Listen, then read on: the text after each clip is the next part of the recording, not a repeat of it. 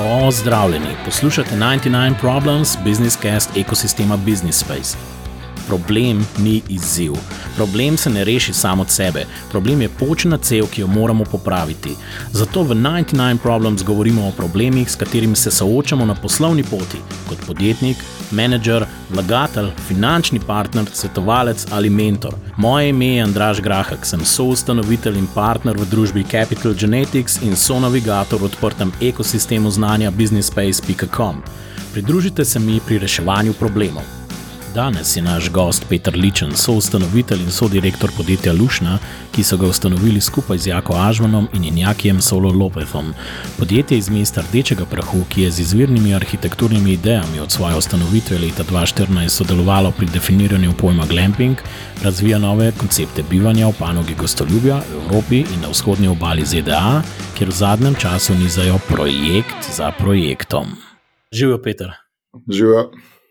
Najprej, kako si? Super, le. Super. Vedno, če ni super, pa moraš pač kaj popraviti. to to. Uh, in standardno prvo vprašanje, kako se je rodila ideja za vaše podjetje? To vsakemu zastavim in tudi ti boš deležen te časti. Ja, to se je začelo tako, da smo pred, pred kaj vem, kaj je to, da ne bom napačne letnice povedal, ki je že full dog nazaj, 10-11, nekje enkrat. V bistvu je bil narejen projekt za camping Bled, ne, trikotne hišice, ki smo dobili nalogo, da naredimo neko urbanizem, pa neko ureditev kampa. Ampak to ni bilo znotraj tega podjetja, še to je bilo prej, še v bistvu prej v arhitekturnem biroju, ki smo ga imeli in to idejo so takrat z Marijo Fendre v bistvu naredila, realizirala. To so bili taki A-frame, trikotniki. Razlog za to je bil pa v bistvu osnovna ideja, da bi se tam neko bungalovsko naselje postavili, nam se je pa že takrat zdelo, da je v bistvu narava, pa bled, pa tako naprej, pa da imamo nekaj mečkam bolj inovativnega narediti. In so se ti trikotniki rodili, znotraj katerih je samo posla, v bistvu, ne pa pa kasneje še zraven VC, tako da ima vsaka hišica svoj VC.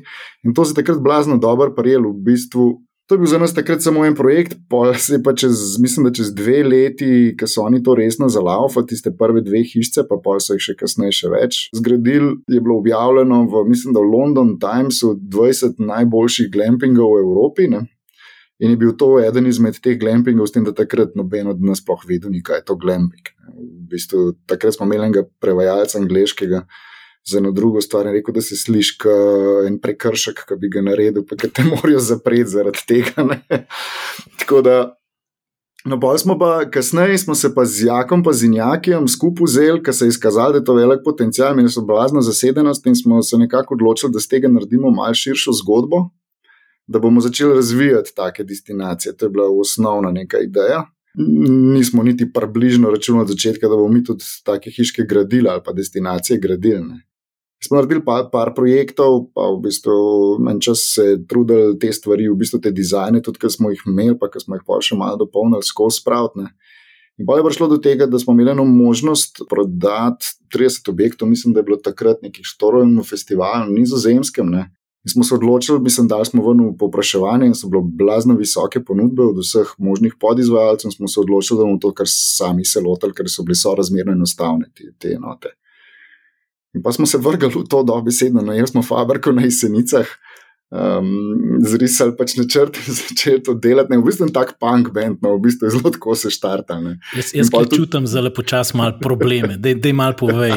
Sam tako se malo spomnil nazaj, zdaj ste jih rešili, je malo ja. bolj simpel, lahko sproščeno o tem govoriš, kakšen problem, ki se je tako. Jaz mislim, da je zelo dobro, da ne veš, kaj te čaka čistoče, ker drugače se tega ne bi nikoli lotil. V bistvu problemi so bili čisto enostavni, ne prezalaufaš proizvodno, aha, ok, dobro, bomo nekaj zrisali, bomo nekaj dizajna naredili, moramo delavce nekje dobiti, kje bomo delavce dobili. In se spomnim prvega našega delavca, ki smo ga dobili. Uh, jaz sem pač razširil glas po Gorenskem, v tej moji vasi, in se javil pač uh, en fant, ki je še danes z nami, ne, super. Ne. In uh, v bistvu se, se spomnim njegovega obraza, ki je prišel v Fabriko, ki je ugotovil, da je prvi in edini delavec ne, takrat. Poleg nas treh, seveda. A lahko definiraš izraz Fabrika takrat, kaj to pomeni? Fabrika, ne, to se mi zdi kot fajnka, gorenska. To je bilo pač. Uh, Bivši proizvodni prostori od železarne, mislim, da je bila tam žičarna, uh, nasprot tržnice na jesenicah, pač uh, gole stene, gola tla, elektrika je bila, točno ni bilo več, pa ni bilo ogrevanja. Ne, tako, da. tako da vi z enim delavcem v mestu rdečega prahu, ali kako že točno? Točno to je. Ja. Mi z enim delavcem smo dvigali prah v mestu rdečega prahu, tako smo hoteli, mislim, tako smo začeli. Ne. Pol pa kar nekako je prišlo to iz tega, da pa okay, bomo pa še malo večje objekte delali, ker v bistvu nismo na čas ga primernega za te naše ideje, pa to, kaj smo hoteli znotraj teh projektov, ki smo jih razvijali. Med smo rekli, da imamo pa še drugačne, večje, bolj kompleksne objekte razviti in smo se lotili dizajna. Ne? In pa tudi proizvodne, tudi teh naprej. Ne? In uh, v bistvu delč tega, da je šlo vse gladko. Ne? In sem ta razvoj, to, kar smo mi delali, v bistvu ne bi priporočal nobenemu. Ne. V bistvu ti nekako vsak reče, da dokler nimaš 200 jurjev, se ne loti svoje firme. Ne. In je res, ne, v bistvu, ko bootstrapaš, kot smo mi, ampak ješ kamne in to veliko kamnov in velike kamne na začetku, ker. Klasičen proces razvoja, ki smo ga vsi poznali, pač ni šel čez. Ne. Se pravi, ti ne moreš narediti uh, oblikovanja dizajna, prototipa v bistvu postaviti, testirati, pa ga v bistvu vršiti preč, ne, um, ker smo vse v realnem sektorju. Ne, pač mi ne moramo updatati uh, naših hiš prek interneta nadaljavo. Ne. Ne moramo v bistvu delati minimal viable, če nimamo, mislim, nismo imeli sredstva denarja takrat smo sicer dobili na SK50, mislim, da je bilo nekaj tasga 50 jurjev, ki pa v bistvu ni niti vrednost tega našega prototipa. Tako da tisti nas je bolj um, zalaufal v smislu, da smo vsi nehali neke stranske jobe delati, pa smo se res temu posvetili. Ampak vse te eh, start-up logike so pri nas v bistvu tako se pokazale, da so nam tako ne preoske hlače, načeloma dobro zgleda, ampak ne na nas. da je malo se spomnim nazaj, kako je takrat izgledal, s kom ste kaj sodelovali, kako je bilo pridobivati eh, poslovne partnerje, kako so vas gledali, kdo je takrat verjel v vas, aj eh, kakšna oseba takrat, ko se spomniš nazaj, kaj rečeš, da je pa ne vem, taj pa mogoče malo drugačke v nas videlo noter, ker drugi niso. Mislim, sprašvali smo po celi Sloveniji, v bistvu vse lesne industrije, več ali manj, da bi z nami sodelovali, da bi za nas v bistvu izdelovali izdelke, prej smo se sploh lotili proizvodne in verjetno se tudi ne bi, čeprav po drugi strani lahko kasneje razložim, zakaj. Mislim, da je obvezno, če, se, če delaš nek produkt, da moš imeti vsaj na začetku svojo proizvodno. Ampak ne prav specifično, ni pa noben, mislim, ne vem, da bi prav kdo verjel v nas definitivno uh, ljudje okrog nas, bližnji prijatelji, znanci, ne vem, familija, ok, ne, to že, to so nas podpirali, ampak mislim, da ne, mislim, da so vsi mislili, da smo mečkam malo preveč ambiciozni, morda ali pa ne vem, ali pa se tudi nismo glih veliko razlagali okoli tega, kaj hočemo, pa kako se bomo lotili stvari. Smo, res, takrat smo zelo veliko sprašvali za partnerje, v bistvu strateške ali pa pač tudi proizvodne, pa ni, nismo dobili v bistvu nobenega, ki bi hotel to zgodbo z nami. Ne. Tako da smo se pol mogli nekako, če smo hoteli ten korak naprej, sami tega lotiti. Kako pa je izgledala prva, da jim rečemo, prvi setup proizvodne, tako, pač, če lahko to opišuješ, kar si ne predstavljam. Če rečeš, proizvodnja, imaš neka minimalna sredstva, dizajn, verjamem, ne, pač tam ni omejitev v glavi, ne, zdaj, ko pa se to poveže s fizičnim svetom, s proizvodnjo. Mislim, tudi ko proizvodnja za tisti čas, to je bila malo huda beseda. Mislim, da smo bili tako ena obrtniška delavnica, v bistvu DIY varianta. Edino, kar smo si nastavili čisto na začetku, je dosta enostaven produkt. No. Takrat v bistvu tisti prvi produkti so bili res zelo simpel. Pa prej smo že imeli nekaj izkušnje, ko smo delali z enimi potencijalnimi partnerji, z bivšo svojo, ne, takrat, nažalost, je poj svoje propadla, drugače bi morali biti z njimi, kaj tudi kasneje delali, sem pozabil prej omeniti. Takrat smo naredili tri prototipe znotraj enega razvojnega projekta z njimi. In tam smo se večkrat naučili, v bistvu videli smo, mislili smo, da vemo vse probleme, ki lahko nastajajo takrat. Ne. Tako da smo imeli malo izkušnje, pa smo se tega pol lotili.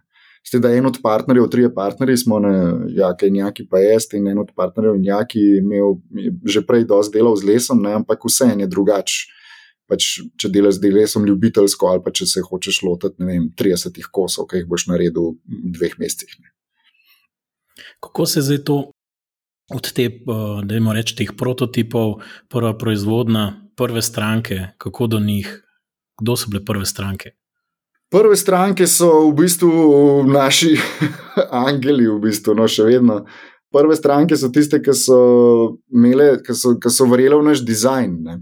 Pa so bile dosti, bom tako rekel, um, ne vem, so nam osebno zaupali. Nočem reči besede naivno, ker ni v bistvu napačna konotacija, ampak ker so verjeli, da smo sposobni to narediti. Prvo hišo, prve pač te zadeve. Tako, pač poskrbeli smo pa vsem, da smo jih pripeljali na jesenice, da smo jim pokazali halo, ki je bila pač vse nekaj izgledal. Prototipe, prve te uh, smo tam sestavili, postavili, da so si jih lahko ogledali. Tako da do ene mere smo fake it till you make it. No, se mi zdi, da je to res. Um, smo poskušali dobesedno, pa tudi tako, ne glede na to, tudi za prve stranke, ni šlo delač od tega gladko, ne, da bi šlo gladko. Pa prvi prototipi so bili pač prototipi tudi po strošku, ne, so šli dvakrat čez budžet. Ne. Ampak jih nismo pustili na cedilu, no, vsi naši prototipi funkcionirajo, smo jih prodali no, in funkcionirajo, služijo svojemu namenu in to dobro. Tako da Klej mislim, da je to pomembno, no, da, da ne glede na to, koliko je to material pa stroškov, da svoje prve stranke res ceniš in temu tudi primerno obravnavaš. A se mogoče spomniš, koliko časa pravi takrat trajalo na začetku od prototipa do prvega plačljive stranke, da ste spravili to v življenje, da ste kakšen denar zaslužili? Zato sem glih rekel, ne, v bistvu uh, mi smo prototipe vse prodali, ne, to je čist skregan z razvojno logiko. Ne. Prototip običajno toliko časa masakriraš, da odpravaš vse napake več ali manj tiste, ki so najbolj očitne, pa pol prenoviš uh, proizvodno dokumentacijo, ne, pa, za, pa začneš serijo delati. Ne. Mi smo pa pač začeli s tem, da smo prototip prodali na papirju. Ne. Mislim, hiške pač produkte prodali na papirju, in pol smo te prototipe, ki smo jih naredili, smo jih pač prodali dobesedno. Ne. In takrat je to trajalo, ne vem, je bilo, mislim, da je bilo ene. Štiri mesece razvoja, pa pol, bilo kar ne, ne vem, mesec, dva, skoraj mislim, da se skupaj proizvodne ene hišice, ki jo danes naredimo vem, v enem tednu, pa ki se postavi v par dneh na terenu. Ne, Kako ste si pa takrat razdelili te vloge? V bistvu, Jaz predpostavljam, da moš pa projekt tam nekako postaviti v sami naravi, pa da ne vem, ste to zdaj vi štiri šlike in ja, veselo na delo. To, to je zelo tako izgledalo. To je bilo uh, v bistvu. To so bile v bistvu najprej tako, da smo vsi delali uh, nočne zmešane. Mislim, da smo imeli takrat, da smo postavili. Jaz mislim, da sem bil v Favorki 40 ur v kosu. Vsi trije smo bili plus dva delavca, ali trije, v 40 ur v kosu, v šrafu. Tako da na koncu, ko sem šel z enega konca Favorke na drugega, sem pozabil, kaj sem šel iskat. Ne. To je bilo res hardcore. Um, in mislim, verjetno je bil nek šravc, nek sveder, neki, ampak pač na pol poti sem se obrnil in šel nazaj, ker sem pozabil. Glava ne dela več. Ne. Uh, pa pa tudi na terenu, ne, v bistvu in neki, ki je vod pač proizvodno, takrat je on pač v dežju in v snegu na nizozemskem mutiral tiste na festivalu v blatu do kolen. Ne, mislim, to je bilo mislim, katastrofa. Smo spravili skupaj, ne, pa so imeli tistih 30 pač teh glamping šotorov za svoje goste do časa narejene, ampak to je bilo še kar nekaj, tudi gorci, gotovo, pa smo se stavljali, koliko stvari še manjka, pa kaj še ni. Ne. Tako da Jaki je mojster, ne. on se res znajde in v bistvu brez njega ni šanse, da bi mi te stvari skozi prišli. Ne. Pa tudi jaka isto na terenu. Ne. Pa smo imeli pa kobarit, ker smo prvo to večjo sovito delali, bil pa mrz, februar, sneg je šel, mi smo v streho delali, vključno z, mislim, cela ekipa skupaj z delavci, tako da nikle neke lepe zgodbe. Kaj se vam je takrat po glavu pletel, ko ste tam v mrazu, ne strehe sestavljali po blatu? Je noč to, da moramo narediti in to je to, mislim, klej nimaš, ne, klej nimaš izbire, ne vrgo si se v vodo in zdaj imaš, da splavaš, ne, in to je to, ni, ni poti nazaj, ne, nimaš, ne moreš, pač, ne treba pač do konca narediti na en, tak, na en način ali na drug, ne.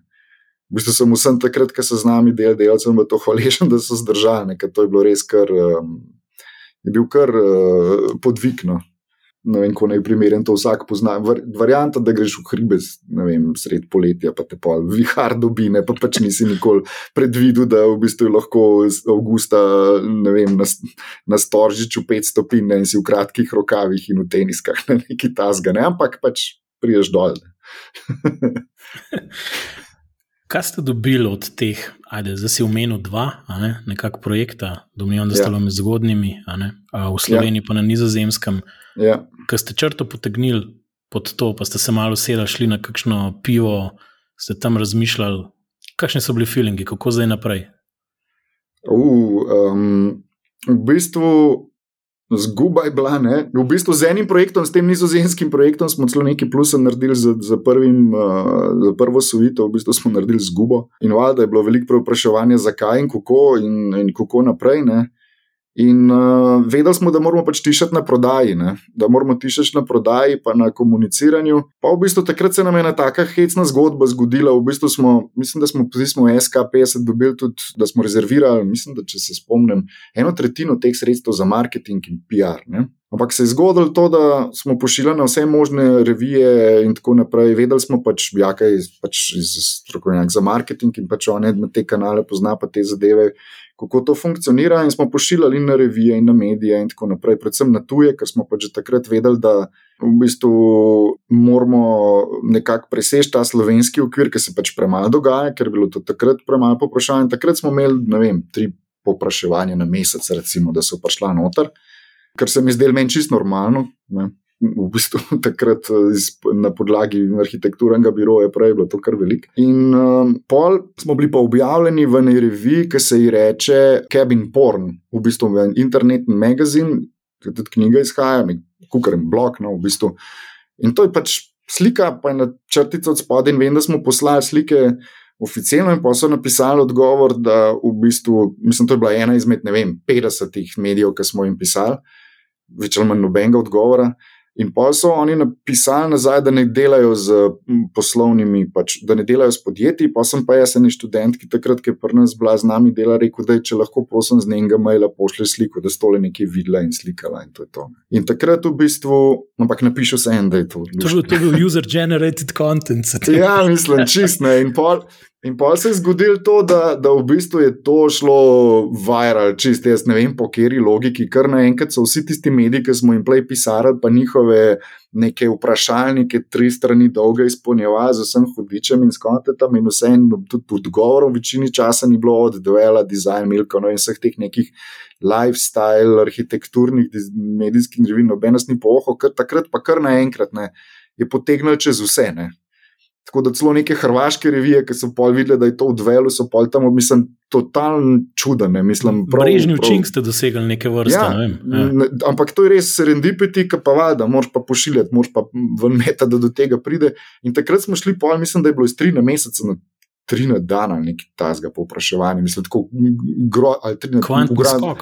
Grozen skok je bil. Ne? In um, tudi nismo bili v bistvu pripravljeni takoj na to, ker to je ena stvar, ki v bistvu te doleti, ker ta scaling v kjer koli fazi, ker to je zdaj mikroscaling, ampak je glavna stvar, kaj s to priložnostjo narediš, ne? v bistvu kako se obrneš, kako odreagiraš. Ne? In pa smo pač začeli z tem, da smo. Ne vem, postavljati začel sistem odgovarjanja na maile, pa pol, smo odgovarjali na maile, ki zmešani, pa smo videli, da gre vem, 90% noč, pa zdaj, kasneje, ne vem, 3-4 leta nazaj smo uvedli pol bota, ki odgovarja na te stvari, da saj dobimo tiste, ki so res najbolj ustrajni, pa se s tistimi ukvarjamo. Skratka, in razvoj je šel pol od tega naprej. Dejstvo je pa, pa je, da sploh, ko smo prve stvari v Ameriki postavili, nam nikak ni bilo treba marketinga z velikim mejem zganjati. Ne? Upam, da je, ker ne bo jezno, ampak mislim, da je to to. Ampak nam je organsko veliko dela, ne, ker je, um, se mi zdi, da najbolj prepriča produkt, ki funkcionira. Ne, ker enkrat neka destinacija funkcionira in dela denar, pa ljudje hodijo do tebe. Ne. Lahko mečkam tako destinacijsko, regionalno, odkje so prihajala, zdaj potem polne ročila, pa kako ste se to odločili. Ker zdaj ne vem, koliko vas je potem bilo po tem nekem skoku povpraševanja ali pa po izvedbi. No?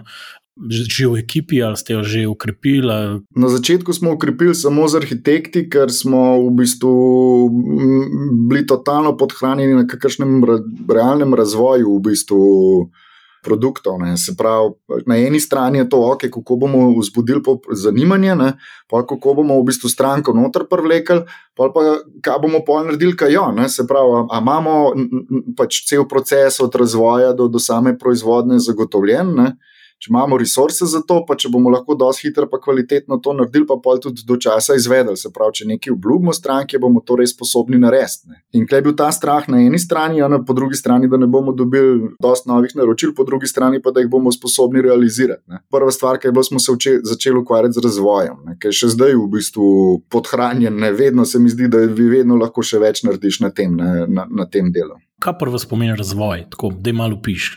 Pri nas pomeni to pro, razvoj produkta, ne, tako sem rekel, za realne sektorje, in pri nas to pomeni dobesedno navodila. Največ se ukvarjamo z navodili za izdelavo izdelkov. Če rečem čistko, zelo poenostavljeno za vse. To je pa od načrtov do, do v bistvu procesov, do vem, managementa, organizacije, dobiti ljudi, zagotoviti prostor.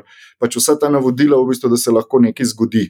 To je pri nas razvoj, ker je večino našega razvoja no, um, na, na tem delu, se pravi na razvoju produktov. Ne? Kako so se pa ta navodila potem razširila, oziroma zdaj, na začetku jih je bilo manj, ali pa so bila manj sofisticirana, pa manj natančna, pa ste pa ali ste imeli več produktov, ali ste samo pri obstoječih produktih optimirali na nek način. Oboje, Zdaj, mi smo se odločili tako, razlika morda med nami pa med klasično v bistvu neko proizvodno. Jaz mislim, da nismo v koru, no, nismo res proizvodno podjetje, ne pač uh, lesno proizvodno podjetje. Zato, ker smo se odločili, da bomo glede na to, kaj verjamemo, ali pa v bistvu kaj verjamemo, da lušna je, da bomo pač naredili neke tri, štiri variante nekih bivalnih enot, ki bomo zaradi same proizvodne logike vedno držali isto konstrukcijo, da bomo lahko to proizvodno optimizirali, ampak bomo dali pa našim strankam pač možnost. Nekega delnega prilagajanja look and feel teh hiš, zato da vsak dobi v bistvu nekaj, kar je prilagojeno njihovi ideji ali pa identiteti v bistvu njihove destinacije tako da smo razvili vse skupaj že dosti malo, nekih štiri variante, ker smo pač videli, da ta prvi A-frame, ta trikotnik, jih nismo prav ne vem kaj prodali. In je bilo prvo sklepanje, da stranke bi rad večje. Pač zelo veliko smo se pogovarjali s strankami, no, dobesedno smo jih sprašvali uh -huh. od začetka. Uh, ali pa so nam tudi oni povedali, pa smo nekako vsi tri, vsak na svoj način, v bistvu pol um, iz tega si predstavljali, kaj bi stranke rajši, in smo pol na podlagi tega razvili še dodatne produkte. Ne? Drugi nivo je bil pa razvoj v bistvu same teh navodil, oziroma dokumentacije za izdelavo produktov, pa organizacijo proizvodne. Klej smo pa še vedno na polovici. Mislim, zdaj mislim, da smo prišli nekako na, na uno, do, do, do ne vem, koliko značk imajo taborniki, ampak na taborniških značkah smo že kar visoke ampak tam na vojaških činih smo pa še čist bogi. Tako da v bistvu zdaj trenutno se ukvarjamo z preskoki iz tabornikov v, v, v vojsko, če rečemo tako, se pravi iz neke obrtniške logike organizacije v, v neko resno proizvodno organizacijo. A, a se gre lahko igrico slika takrat, slika danes, ki govoriš, da ste zdaj prišli do nekega srednjega čina. Takrat, ja. če sem zdaj prav štev, ste bili štirje, potem ste imeli, da imamo reči, nek katalizator, ki ste šli malo viralno tudi z vašimi proizvodi, pa so šli po svetu okrog, v bistvu, da imamo reči, v neki abstraktni obliki, ne pa so te naročila prišla k vam nazaj. Ne? In da mi sam povej, takrat vas je bilo kaj kul. Cool. Štirje, štirje pa, pač, pa delavci, dva, tri so bili pol, štiri, pol smo pač nekako poskušali te delavce dobiti v proizvodnjo, ker je bilo zelo težko, ne, ker ni prav veliko zanimanja za to vrstno delo. Ne, to pač ne veš, prej se ti zdi, da je to, to je pa res fajn, ne se stavljaš, pa ni glih umazan job, pa z lesom se dela, pa tako nam je bilo vsem kul. Cool, Fajn delati, ne? ampak v bistvu po realnosti te delavce je dosti težko dobiti, tako da smo tam pol nekako lokalno vezani in poznanstvene ne prek kakšnih zavodov za zaposlovanje ali pa prek kakšnih drugih stvari v Facebooku. To smo dobili počasi v bistvu delavce, ki so pol uh, nekaj še zmer z nami, nekaj se jih je nekaj je šlo ven noter, ker smo pol tista ekipa, ta prva, mislim, da je bilo šest ali sedem, šest delavcev, meni se zdi, pa mi štirje. Ne. To je že kar številka. Trije. Koliko je bilo takrat prihodkov, približno, da si malo predstavljamo? Uf, ne, to, takrat je bilo kakšne, ne vem, 400, 300, to so bile bolj take številke. V bistvu. Eh, no, se še zdaj nismo na nekih strašnih številkah, ampak vseeno. Uh, No, še, manj, še manj, tudi v bistvu po projektih. To smo imeli kot dva, tri projekte na leto, ne, v bistvu, in so bili projekti ranga, ne vem, včasih dve hišice, tri, ena, ne vem. Ne zdaj je v bistvu malo drugače. No, pa je zdaj pa na srednji čin, pa če grejo po istih, rečemo, število ljudi, pa prihodki, približno ali pa projekt. Mislim, število ljudi smo nekako obdržali tudi prostor, v bistvu isti in pač verjamemo v to, da moramo pač najprej optimizirati in s tem se veliko ukvarjamo, kako narediti neko agile firmo, rečemo temu mhm. odzivno, pa dobro organizirano firmo, bolj kot to, da bi jo napihnili, da bi zrastali. Več delati na ceni na trgu, pa na kvaliteti izdelka, kot pa na samih količinah, ker v bistvu. Um, Tiste druga igra. No. Mislim, imamo v Sloveniji tudi firme, ki so fenomenalne na tem nivoju, kot Adria, Mobil in tako naprej, ampak to je čist, čist drug, drug segment in tudi druga stranka in tako naprej. Tudi v bistvu drug princip gradnje, drug look and feel. In uh, mi smo se odločili, da ne bomo zdaj blazno skočili, da ne bomo probali poceniti izdelkov, pa v bistvu razvitih za super hitre, velike serije, ampak smo več delali na kvaliteti, na bolj naravnih materialih, na, na boljši izvedbi teh izdelkov. Nismo pa to kvečali v bistvu tima. Mislim, da In smo tim kar tam, tam držali do lani, lani šlo pa malo več, smo jih je zdaj, mislim, da des, med 8 in 10, odvisno koliko več teh v, v, v proizvodni. Promet nekje na, kaj s tem, 900, pa pol, za milijon 200, pa tako naprej. Tako da v bistvu tam nekje smo zdaj. No. In v bistvu to pomeni, da okay, zdaj razvoj ste veliko vlagali, nekako ste na agilnosti delali, optimizirali ste stvari. Vmes se je pa tudi pandemija zgodila, pa tudi koncept mal bivanja, pa kaj, kje je človek, kje se giblje, ne vem, kaj počne. Vsi smo imeli veliko časa za razmišljati, ne v končni fazi. Kaj to za vas takrat sploh pomenilo? Ker na eni strani je verjetno stranje, ker ne moreš tako hoditi okrog, uh, mogoče pa izvajati teh projektov, na drugi strani je pa nek zeitgeist, ki ti pa mogoče lahko tudi koristi. Mi smo kar gonili. Na, na srečo ni niti nobena stvar ustavila, noben ni zbolel v proizvodnji, moram potrkati, da bi mogli zapreti. Tako da v bistvu večino poslov, ki smo jih imeli med pandemijo, so bili kot odprej, tako da smo mogli samo potegniti. Se je pa ustavil takrat, za dva, tri mesece, imajo zatrokirali vse skupaj, pol je pa potegnili naprej. Ne. Tudi kol smo hodili, dosti normalno, tudi v Ameriko, pa tako naprej se je dal prideti, pač, če si dosti trinil. Tako da ni bilo zdaj tako, da bi nas kaj omejeval, prav v bistvu ta situacija. Je pa dejstvo, da sploh zdaj se nam bolj, mislim, pač mi imamo precej dolg prodajni krok, tam leto do leta, pa polne. In v bistvu tiste popraševanja, ki so prišla iz razlogov pandemije, se zdaj realizirajo. Tako da je pa definitivno se povečal interes. Ampak interes še ne pomeni, da se res poveča tudi prodaja, ne? zato ker je interes, jaz vedno pravim, biznis je narejen, ker je denar na banki, na naši banki oziroma na našem bančnem računu. Ja. Ko človek posluša, je tudi veliko obratnega kapitala, verjetno zraven, ki ga rabiš, kje to sploh sedi. A to pri vas vse zaloge sedijo, pri kom drugmu, kako se to organizira. Kako ste reševali probleme, ki jih reši denar? A, v bistvu to, kar smo skozi pogrešali, pa zelo težko dobili, pa nam je pol uspel dobiti, je nek prehoden kredit nekih 100 jurjev, s katerimi lahko v bistvu operiramo, takrat, kadar ne dobimo, v bistvu, če kakršnega, z kakršnega koli razloga stranka zamuja s plačilom posamezne faze. Ne. Ali pa v nekaterih primerjih, da lahko v bistvu material kupujemo naprej, oziroma plačujemo naprej, ker so pol ugodnejši pogoji, in tako naprej. Ampak drugače smo že od samega začetka, ker si pač tega nismo mogli prvošiti, sam uh, pogodbeno odnose z, z, z strankami nastavili, tako da smo, da, da smo imeli in time, tako cash flow, kot pa material flow. Ne. Tako da samih zalog na eni ali pa na drugi strani, ali pa nekaj manjka iz razlogov, da pač je bilo no go, ali se dogovorimo tako, ali pa tega ne moremo narediti. To v bistvu sploh v Ameriki to čest ni ne navadno, v bistvu pa nam zaenkrat še vedno uspeva, recimo mi naša politika je tako, da v bistvu nekako 10% predprodajo. Samo rezervacije, v bistvu proizvodne kapacitete, ker smo na začetku se je doskrat zgodili, da je bila stranka, ja, ja, bomo začeli, bomo začeli, ne, pa tako naprej. In pa je bilo treba začeti, ne, in pa, ja, nimam še denarja, ne, rabam še gradbeno dovoljenje dobiti. Mi smo rezervirali proizvodno, dobili delavce, zorganizirali vse, in pa, ah, si vstal v luftu. Ne. Tako da zdaj pač za to neko garancijo, za rezervacijo v bistvu proizvodne vzamemo 10% vrednosti projekta, pol pa v bistvu kasneje, pred, pred začetkom, mislim, da je 40, pol pa še tako naprej. Tako da imamo in time.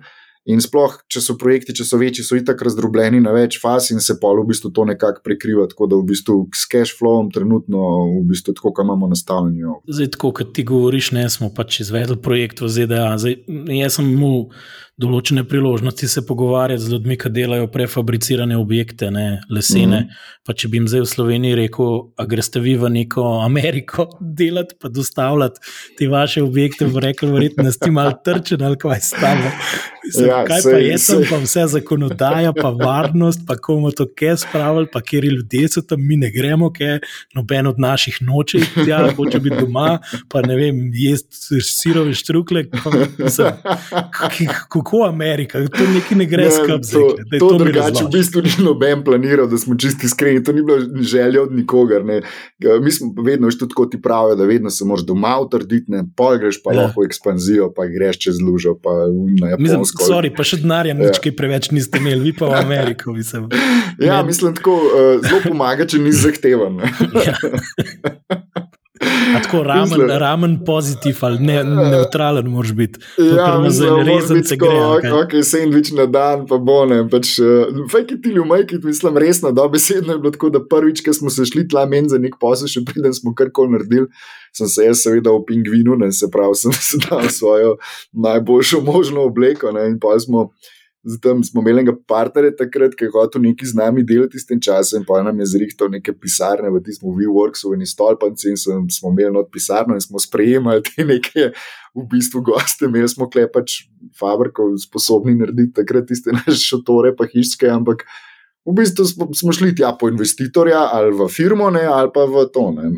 In pol, uh, po nekem času, po nekih ne vem, desetih sestankih, pridenti pa je rekel, da v bistvu nisem primerno oblečen, ne, da če hočem kaj tem ljudem prodati, ne, da v bistvu zgledam tako kot odvetnik ali pa bank, bankirne. In da v bistvu to ni kul cool za ta biznis. da so overdressed.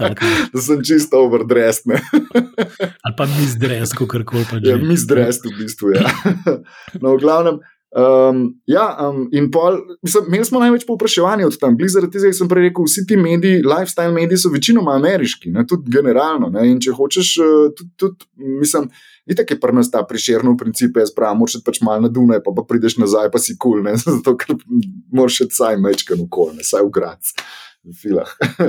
ampak, uh, ampak tujina, ne, saj ni važno. ja, to je to. Uh, ja, ampak uh, v bistvu. Šlo se pa samo zato, da smo imeli tam največ popraševanja in ker smo rekli, ok, gremo v New York na sestanke, ki smo poslali prek teh naše mailing liste, ki smo od začetka iz vsega popraševanja ven delali. Pač, ok, mi bomo prišli v New York, se kdo hoče dobiti, se kar nekaj deset ljudi javlja, ki bi se dobili na sestank. Rekl, ok, prav, ne, pa, pa da vidimo. Ne. No, in z tega ven je prišel ta naš prvi projekt, v bistvu z investitorjem, ki zdaj delamo za njega, že tretji projekt, večji, največji do zdaj. Ne ampak mislim, pač greš in probaš, in pa se slučajno izmed unih desetih. Jaz se ga niti ne spomnim, iskreno so se že pogovarjali, kasneje te se njega ne spomnim, da sem se takrat pogovarjal z njim. Ne. Ker on je pa kasneje poklical čez kakšne pol leta, pa niti nisem povezal teh dveh dogodkov, ne smo se takrat pojmenili. Ja, zato Amerika. No. Pol je bilo pa še tako, da smo imeli tudi en izlet v prazno, v bistvu, ker smo poslali ta, ta naše načrte, v bistvu, eni lokalni firmi, se še zdaj nimamo tam svoje firme. Ne. V bistvu smo ugotovili, da lahko zelo dobro funkcioniramo, da v bistvu imamo lokalne partnerje tam, ki za nas postavljajo objekte. Tako da ne rabimo tam imeti firme, pa zavarovanja, pa delavcev in tako naprej. Ne? Ampak uh, izkoriščamo to razliko v, v vrednosti, dobesedno in pri nas lahko so razmerno ugodno, pa bistveno boljše kvalitete izdelke delamo, kot jih delajo američani. Ne? In smo tam zaradi tega precej konkurenčni. Pa, Kaj to pomeni konkurenčni? To pomeni, da v bistvu, bom čisto enostavno povedal, no, pri nas je vem, ura delavca, verjetno od podjetja do podjetja, odvisno od razlika, ampak tam nekje vem, od 20 do 40 evrov na uro. Ne. Pri njih je, se začne tam nekje 60 dolarjev, tisto, kar je pri nas 20, ne, se pravi, če gremo nekako usporedno. Ne. Pol material je krat tri, vse material je krat tri. Ne. Ne vem, zdaj smo izolacijo, mislim, smo ugotovili, da bomo verjetno izolacijo, bale izolacije za, za cel hotel ki ga tam postavljamo, pa jim paviljon, bomo, mislim, precej trapast, ampak izolacijo bomo natrpali v kontejner in ga tja peljemo kot gradbeni material, ker v bistvu je tam štirikrat dražji kot pri nas, ista izolacija, ali pa se jo sploh ne dobi. Ne. A bi to rekel, um, da je to zelo enostavno, ker je v bistvu ameriški trg, kar ne. v nekem posebnem zonu? No? Ne, to je bilo že prej, pa pa se je zgodilo to, da še mislim za časa Trumpa, da je v bistvu. Da je takrat, da je on uvedel neke uvozne, više uvozne carine za Kanado in takrat so ostali čist les, v bistvu in pa se je blazno podražil vse, kar je bilo v zvezi z lesom, se pravi ne samo material, ampak tudi posledično vse delo in tako naprej. Ampak že čisto od samega začetka ta razlika pač obstaja. Ne? In zdaj se treba samo spopasti s temi problemi, kot so logistika, organizacija. Pa če vsi ti pravijo, ja, če hočeš v Ameriko, moš najprej tjajati, pa moš odpreti firmo, pa moš tam enega zaposliti. Pa pa, mislim, ni res, ne. v bistvu se da um, s pravimi partnerji, ampak ni pa tako enostavno dobrih partnerjev dobiti. No. To, to je pa drug problem. Ne. No, mogoče punčline. pravi partnerji, koliko je bilo kle sreče, koliko je bilo pa planiranja. Uf, mislim, je samo izkušnja, zato ker tako kot pri vsaki drugi stvari, dokler ne greš in igre skozi, ne veš, v bistvu, kako drugi igrajo. Ne. Sploh ameriška kultura je zelo, bom rekel, optimistična, bilo rečeno, ne. v bistvu tam ja, ni problema, v bistvu vse bomo, budžet ni panike, pač vse je tako. Ne. In prvič, ko smo tja poslali izvajalcu lokalnemu, samo načrte, je bil čisti flop. Ne. In smo pač odmislili to in smo pa rekli, ok, če gremo še kdaj, Danes je pa ta investitor poklical in rekel: Ok, če lahko naredite v bistvu to, kar ste naredili za tiste, ampak boljš, ne, po vaši kvaliteti, pa če boste vi to delali, pol kupam, drugač pa ne. ne. Bolj je prišel pač v Evropo pogledati, v bistvu, mislim, Evropo, na jesenice pogledati, kje to delamo in kako to delamo, da se je prepričal, da pač ni isto. Ne. In pa smo v bistvu izvedli ta skok, recimo, da smo šli prvič, da smo poslali tja pol izdelke, da obesedno pač in tam pol lokalni partnerji so tam sestavili. Ampak je pa res tako, da dokler še zdaj, pa je bil prvi lokalni partner, pa ni bil čisto ok, smo najdel novega skupaj, skupaj s tem z investitorjem, zdajšnjim, ki ga pač tem nam je on pomagal, pa nam je tam enega pač partnerja svojega z enega drugega biznisa pripeljal, ker v bistvu je rekel, da je to zainteresiran z nami delati, ne, pa v bistvu smo pa z njim začeli, pa se je izkazal, da je super. Tako da ne gre drugače, kot uh, traja error.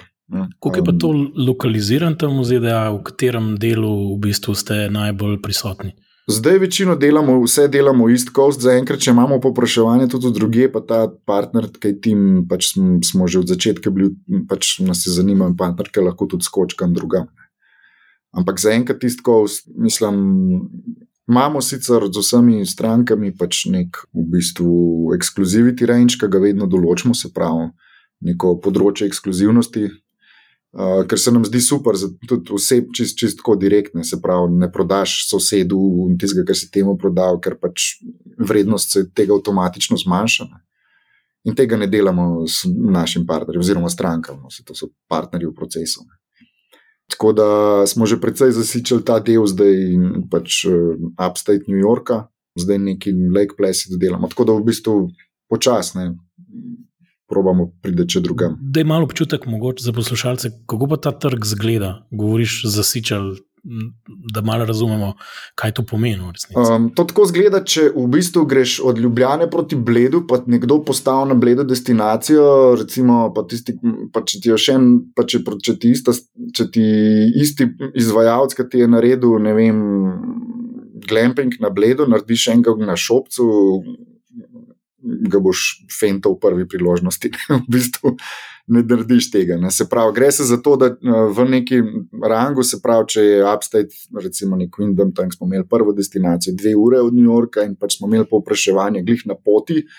Ne, do, do te destinacije, ne, in pa pač mi, enostavno, stranko vprašamo, kako bi te to motili.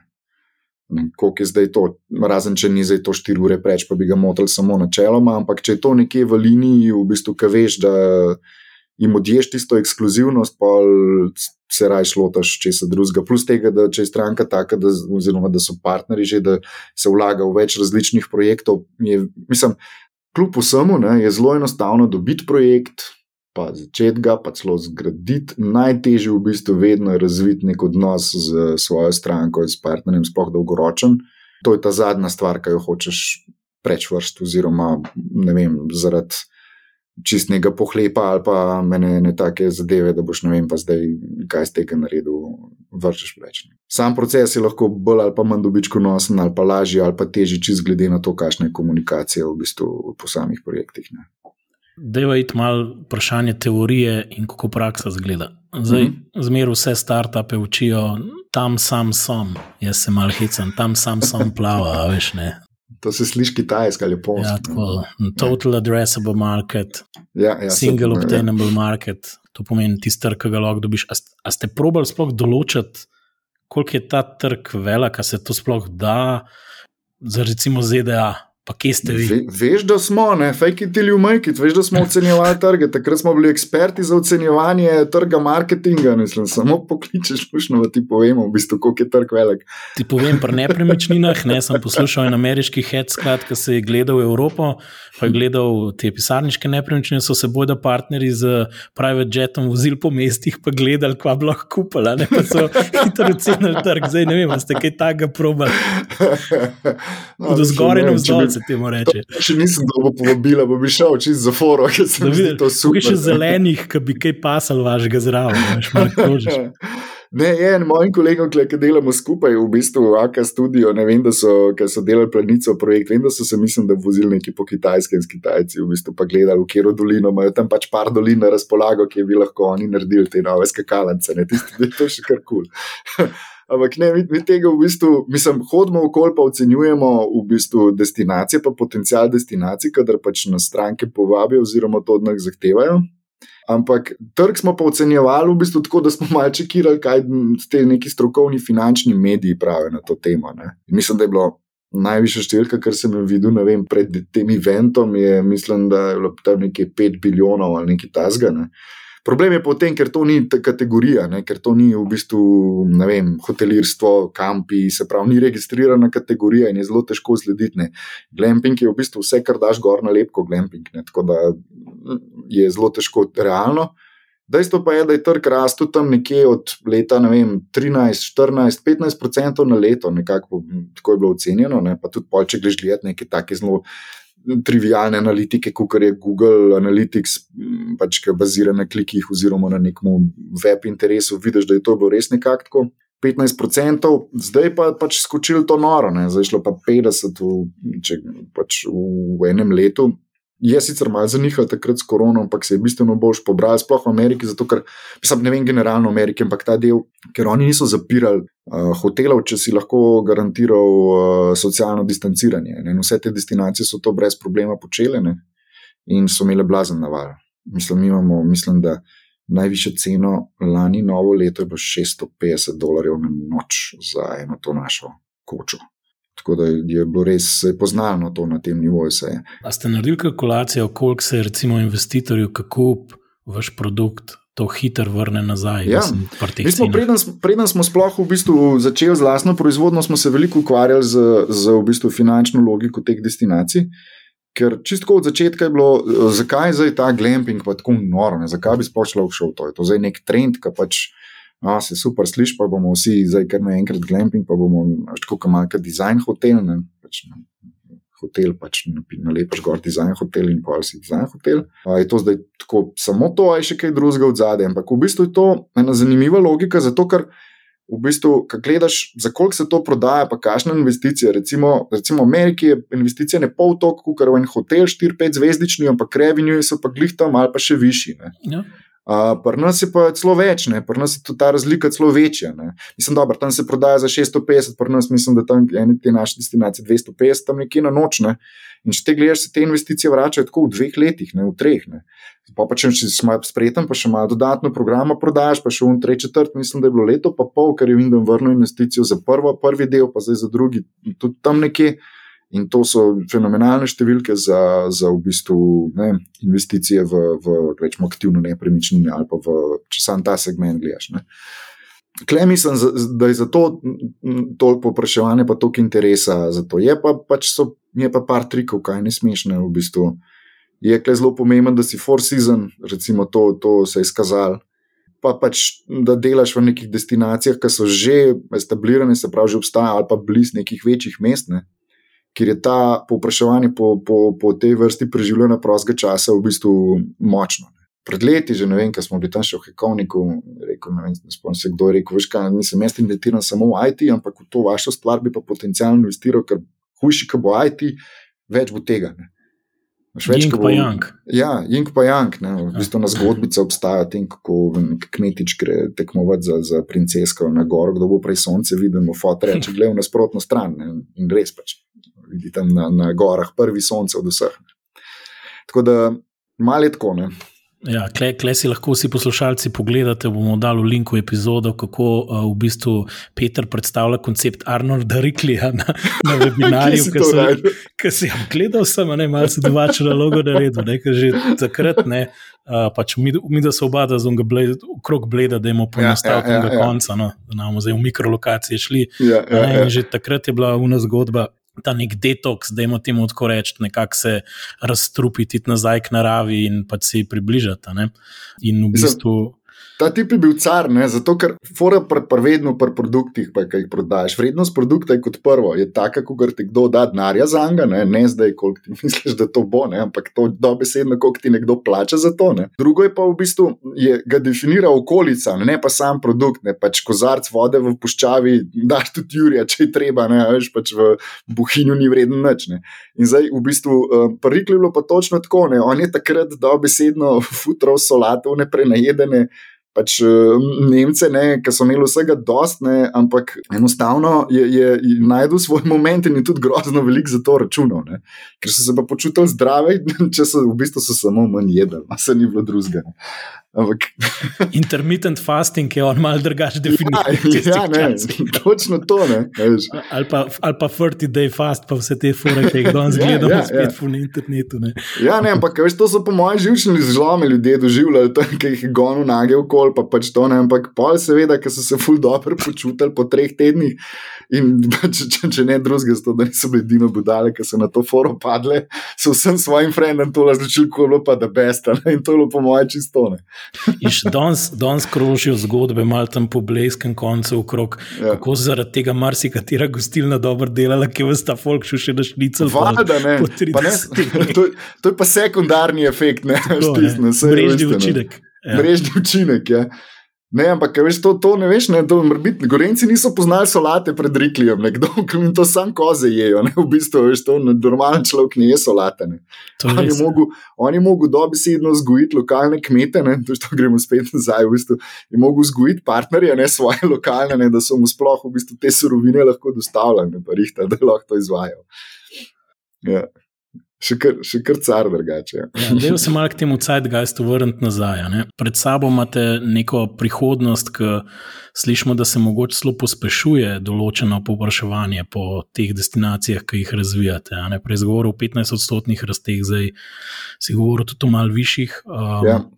Rastete tudi vi, uh, da malo piš, kaj imate vem, na svojem krožniku, vi za zelo mogoče nek srednji rok, s čim se zdaj ukvarjate, kakšni problemi se vam kaj pojavljajo, kaj želite rešiti.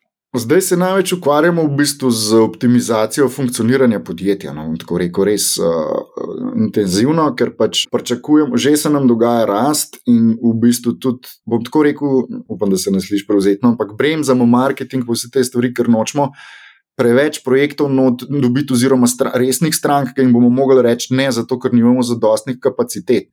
Ker v bistvu zdaj, ko smo pri projektih 27 enot, pa hotel, pa v bistvu 50 enot, pa untrej, se pravi, enostavno smo začeli obljubljati strankam, ja, lahko, ampak v letu pa pol. Ajš, to je pa nek rok, ki v bistvu ga američani ne prenesejo dobro. Mislim, ni, ni nekaj, kar bi oni rekli, o, super, fanja. Sej. Dejstvo je sicer, da v enem letu ti, recimo, če greš skozi proces, pa če to naročiš, eno leto traja, da eno tako destinacijo tudi na drugih nivojih pospravaš, pa prepraviš na odprtje ampak noben pa tega rad ne sliši. Tako da v bistvu plus tega, da, da za nobeno firmo ni dobro, da si odvisen skozi. Da nimaš več strank usporedno, se pravi, da imaš zmeraj samo eno stranko, od kjer si 100% odvisen, je kar velik rizik. Tako da v bistvu na tem delamo, da bomo sposobni pač več projektov naenkrat noter vzeti že zdaj, pa da ne bomo delali na isti način, kot smo delali zdaj, ker vemo, če v bistvu skalamo, če zrastemo, bomo se napihne, bomo napihnili tudi vse probleme, ki jih imamo zdaj, bistveno več. Ne? Tako da zdaj trenutno optimiziramo in uh, vse procese v firmi. No? Iščemo ljudi, da bolj že vemo, kaj točno rabimo, kje rabimo, kaj nam manjka, ne? kje imamo probleme. In uh, se zdaj ukvarjamo s tem, da pač um, vse te pozicije, ki jih vemo, da, pač, da jih moramo zasesti, da jih moramo poštimati, da vse te kose, da lahko nekako aktivno se odzivamo na situacije, pa vzdržujemo ravnovesje znotraj podjetja, tudi če rasteš. Ne. Da, lahko, da si vedno toliko interno agilen, da ne glede na situacijo lahko prenašaš manjše pa večje šokarje. Ali lahko izkoristiš to priložnost, da mogoče, če bo kdo kaj slišal, vam pri tem kaj pomaga, v smislu, kakšne kadre ja, pač iščemo? Iščemo trenutno vodja oziroma direktorja proizvodne, pa v bistvu arhitekte za sodelovanje pri razvoju produktov, obstoječih in novih, pa tudi neki destinacij pri zraven. To je glavni problem. Pa delavce konstantno, ne pač dobrih delavcev ne manjka. Ne. En vic povem, kam je en delavec povedal na pikniku. Lahko vice govorijo. Valjda, seveda. Pri direktorju v, v proizvodno, ne, pa vpraša delo, pa pogleda okoli nikjer ni nobenega delavca. Ne. Pa ga vpraša, kje pa, so, kje pa so delavci. Pa mu reče delovodja, ja, dobrega delavca je težko najti. Tako da v bistvu dobri delavci se vedno iščejo. Pač, eh, Pri nas v proizvodni se še ne skrivajo, tako da je v redu, ampak, ampak da smo vedno odprti za sodelovanje. Tudi, vem, tudi če kdo misli, da bi rad z nami delal, ker to v bistvu rabimo. Ne? Rabimo nekoga, ki bo naš soborc, dobesedno, ki mu ta firma predstavlja izziv, pa bi rad z nami delal. Zdaj, če samo službo išče, verjetno Deva malo več, mal več osebine. Ne? Kaj pa ja. prvi, recimo, pomeni vodja proizvodne, da se malo predstavlja, kakšen tip človeka mora to biti, da ima malo mal v to dušo pogledati človeka, ki ga rabite. To v bistvu definitivno ni upis, nujno, da je kakšen kakoli drugega vodja proizvodne, to mora biti vodje naše proizvodne, ker rabimo mojega švicare. Bom tako rekel, rabimo nekoga, ki je, ki je res, ki ne prenese, da stvari niso poštimane. No? Ker v bistvu bom po pravici povedal, da noben od nas treh, ne, ker drugač bi že en od nas to potegnil, ne glih ta prav karakter za to. Ne. Uh, ne, imamo tehnične znanja, ne, pa imamo recimo oblikovalske znanja, pa tudi v bistvu neka razvojna znanja, pa procesna, pa tako naprej. Ne, ampak voditi proizvodno ali pa generalno več ljudi, vedno je pa čist druga, so pa neke druge lastnosti, tudi osebnost, nekaj jih moš imeti. In se mi zdi to ključno, ne. bolj ključno, kot kar izobrazba pomaga, pa izkušnje. Ne. Tako da zdaj trenutno kakšnih pet let izkušnje na kakšnem podobnem delovnem mestu, pa v bistvu niti ni tako važno organiziral prej deset kuharjev ali deset. Ne vem, pekov ali deset, ne vem, če se kar bolj gre za to, da je nekdo, ki je sposoben organizirati ljudi, brez da se dere na njih, po domač rečeno. Se pravi, brez da je to neko zdaj, se pravi, motivirati, no? vzpostaviti neko delovno vzdušje, oziroma ga pelati naprej, kot smo si ga mi zamislili, samo pač razviti stvari, procese tudi urediti, pa tako naprej. Ne? Sledljivost. Vse eh, imamo delno te stvari postavljene, samo se zavedamo še delač od tistega, da bi res lahko samo voljo odprli pa zašopali. Kaj pa arhitekti?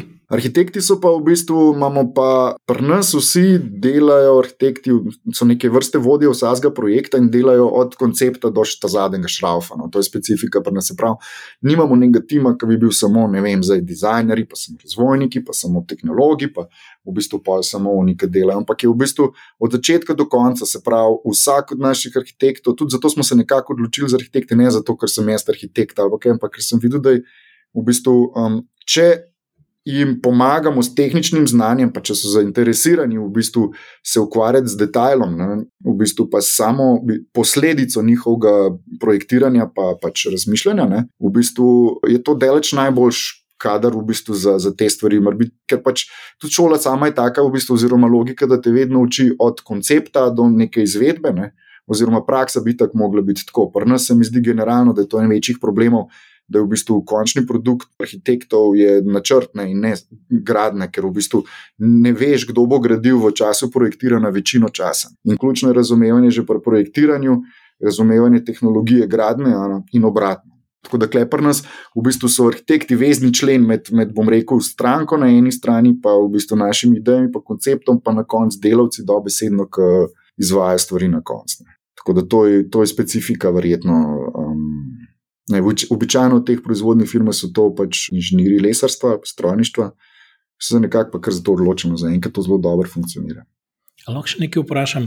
Ja. V bistvu, kle, do, doskrat je tudi vprašanje, kako pritegniti ljudi, ki si v bistvu še zmeraj mlada firma, relativno. Ali pa, ja. moramo reči, v zgodni fazi razvoja. Nihče ja. ne more učiti, da nimate izkušenj, pa niste šli do pekla in nazaj, pa še ene parkrat sem in tja. Ja. Recimo, ampak kako v bistvu razmišljate? Kako določiš ključne zaposlene, kako jih motivirati? Ste razmišljali tudi o kakšnem vem, opcijskem načrtu, kakšni so udeležbi kasneje, da bi jih spuščali tudi v lastništvo? Ja, mislim, to so vedno stvari, ki so na mizi. Mi nismo, kar se tega tiče, ljubosumni ali kako bi se tega rekel, ker tega tiče, ker 100% od nič je nič. Ja. Uh, tako da v bistvu. Definitivno se gre za to, da v bistvu smo pripravljeni tako kot svojo zgodbo, pa tako kot v bistvu svoje vizije, tako kot svoje pričakovanja in delo in rezultate deliti z drugimi. Ne. Se pravi, jaz mislim, da je skoraj ključno, um, ne morem pričakovati, seveda, da bo vsak v firmi, vsak delavec imel isto vizijo, pa isto predstavo, v bistvu od tega, kaj hočemo doseči. Ampak stvari, ki so nam pomembne, vsi vejo, zakaj in kako so pomembne skozi celo firmo. In, um, in isto je, isto je pri tem. Ne. Se pravi, res iščemo soborce. Zdaj, to, Škoko imam, imam vedno čuden feeling, nekaj tako klišejsko izpade, ja, pa je treba, veš, vključevati, pa firma je ena velika familija, pa tako naprej. Ja, v bistvu ni glih mora biti familija, ja, ampak je pa en regiment tam le, nekaj, v bistvu morajo vsi v isto smer korakati, ne, in zdaj imaš dve variante, ali vsazga kaven iz, iz, iz koraka stop, ne vem, vržeš prečne, ali pa probaš musko tako zafurati, da vsi v njej uživajo, pa korakajo, brez da bi jim težil. Ne. To je nekaj, kar se mi zdi tako, da je kar izziv za nas, no, ker noben od nas ni nikoli fural neke strašne firme, da bi imel te izkušnje, ampak se sproti učimo, pa pač zdaj toliko smo dali že čas, da to, da to v bistvu vidimo. Tako, pač komunikacija je veliko treba, no, tako da vidiš v bistvu kaj. Tisto, kar je meni motivacija, ni nujno enemu drugemu. In zdaj, tudi če se jaz v bistvu blazno hočem motivirati ljudi okrog sebe, ampak če jih motiviram isto, kot bi motiviral, motiviral sebe, ni nujno, da dela to. Se pravi, se moraš pogovarjati, moraš razumeti, kaj ljudi motivira. In doskrat pogledaj, so to zelo take, mislim, hecne stvari, ki moraš biti samo na njih pozoren. Ali pa samo, ne vem. Uh, in klej je to, klej se mi zdi, da je to ta komunikacija, no, da ni vse samo. A veš, da je samo narediti, da bom, bom, čim prej, čim prej, čim bolj, čim da, da, da, ampak da se treba Seš, naredi lahko vsak, kako narediš, pa kako delaš, sploh ne, to je druga stvar. Ne, to gre tako, ne, narediti treba, pa, pa kako bomo naredili, pa, pa kako delamo. Veš, je, je, se mi zdi ful pomemben in se pozna. Ne, in to je hecen, ko se učiš, da v bistvu. Včasih, ko misliš, da bi nek red mogel obstajati, spremeniš samo način komuniciranja, pa se ta red sam vzpostavi, brez da bi zahteval red. Ne? A veš, ko se vzpostavi odnos do tebe kot nekoga, ki si neko nalogo dal naprej, ali pa tudi odgovornost, ne? Ali pa zaupanje s tem. Ne? Ko to narediš, se spremeni odnos tistega do tebe in pa začne v bistvu funkcionirati v skladu s, s tvojimi vrednotami. Ne? In to je nek tak relationship, ki ga pa izpostaviš na, na mestu. In to gre res čist do vsega. Čist še to zadnje vprašanje. Kakšne so sanje, kaj kakšen met čez ribnik, če je skrbel zdaj rekel, ne vem, če se dobijo zdaj čez ne pet let ali kar koli pa že, če bi si neki dal na seznam, ne, da bi bilo nekaj, kar bi rekel, to bi bil pa moj osebni vem, dosežek ali pa karkoli, kaj brati, spra, kam brati spravo to zgodbo. Uf, upam, da nam premalo ambiciozen, ne meni zmer, vedno me sprašujejo, exit pa ne vem, pa dol, levo, desno. Ampak meni je največji gušt pismo, ko prideš v Favrko ali pa v pisarno ali pa kamorkoli, ki to vibrira, kaj kul, ker se res vsem dogaja in res delamo in, in, in, in, in v bistvu generiramo, produciramo nekaj, kar je fizično, kar obstaja. Kar, ker bo, ne vem, če mar bo nekdo užival, mislim, v končni fazi, ali pa nekdo pač lahko to za eno drugo zgodbo svojo uporabo. To je hecano, nimam, mislim, tako osebno, pač valjda bi bila super finančna neodvisnost, zato da se mi ni treba več ukvarjati z, ne vem, z, z temi ne vem, nekimi trivialnimi zadevami v življenju. Ne. Ampak v bistvu tisti največji gušt je pa res to, da bi imel res en office, ki res fajn dela, ki ni toliko stresa, recimo, ki je manj stresa, kot zdaj ker ni to zdaj tako vse neki, da, da je treba skozi nekaj popraviti. Vedno, vedno bo kaj zelo videti, pa kaj za delati super, ker drugače, zakaj bi pa, če, mislim, če samo laufa, pa knov pritisneš, pa greš. Ampak to, no, to mi je nekak cilj, da bi, da bi to raufal res tako, da bi bila na fajn firma. No. In da tudi v bistvu, kaj s tem, zdaj po velikosti, niti ne vem, no, niti mi ni pomembno. To, da bi bili delavci super plačani, da bi uživali v svojem jobu, da bi v bistvu res, da, da prideš v fabriko, pa je fajn, veš, pa je pisarno, pa je dobro vzdušje. No, to se mi zdi res. Ne, vse na dober dan imamo tudi, ampak imamo velikokrat stresne situacije, ker če ne bomo končali te dokumentacije, bo čez 14 dni ali pa čez en mesec proizvod nastala in pol leto. No, no, tega, tega se nekako mal, uh, to je bilo čez dve leti, recimo čez dve leti po Evergreen se temu reče. Kaj da? Bo evergreen, se temu reče. Bo Ja, brnel, ja. bo mlel, še zmeraj bo Točno zelen. to. Točno Nadaljevali to, boste in, in, in nekako delali to, kar uživate in radi počnete. Super, Ja. ja. hvala, ker si bil moj gost, da si delil te svoje izkušnje. Še enkrat call to action, Peter Rab, soborce in tudi vsi Soborce, drugi, ja. ki so živijo. Pozdravljam tudi vse, vse druge co-founderje, predvsem Jaka, s katerim smo tudi drgnili inštrumente Ja. skupaj kar dolg časa. Lepo se majte, pa poslušajte 99 Problems, ker se problemi ne rešijo sami od sebe. Skupaj, čist skočijo, lahko, skupaj v bistvu se da veliko več rešiti. No, res, to, je, to je tako, kar fajn. Tako da hvala. Ej, hvala tebi. Živijo. Živijo. Tako, prišli smo do konca epizode 99 Problems. Če vam je bila epizoda všeč, jo delite, povejte za njo svojim prijateljem, znancem, poslovnim kontaktom. Poslušate nas lahko na vseh uveljavljenih podcast platformah, sledite nam lahko na spletni strani businessspace.com, lahko nam tudi pišete na e-mail naslov infoafnabusinessspace.com. Poslušajte 99 Problems, saj se problemi ne rešijo sami od sebe.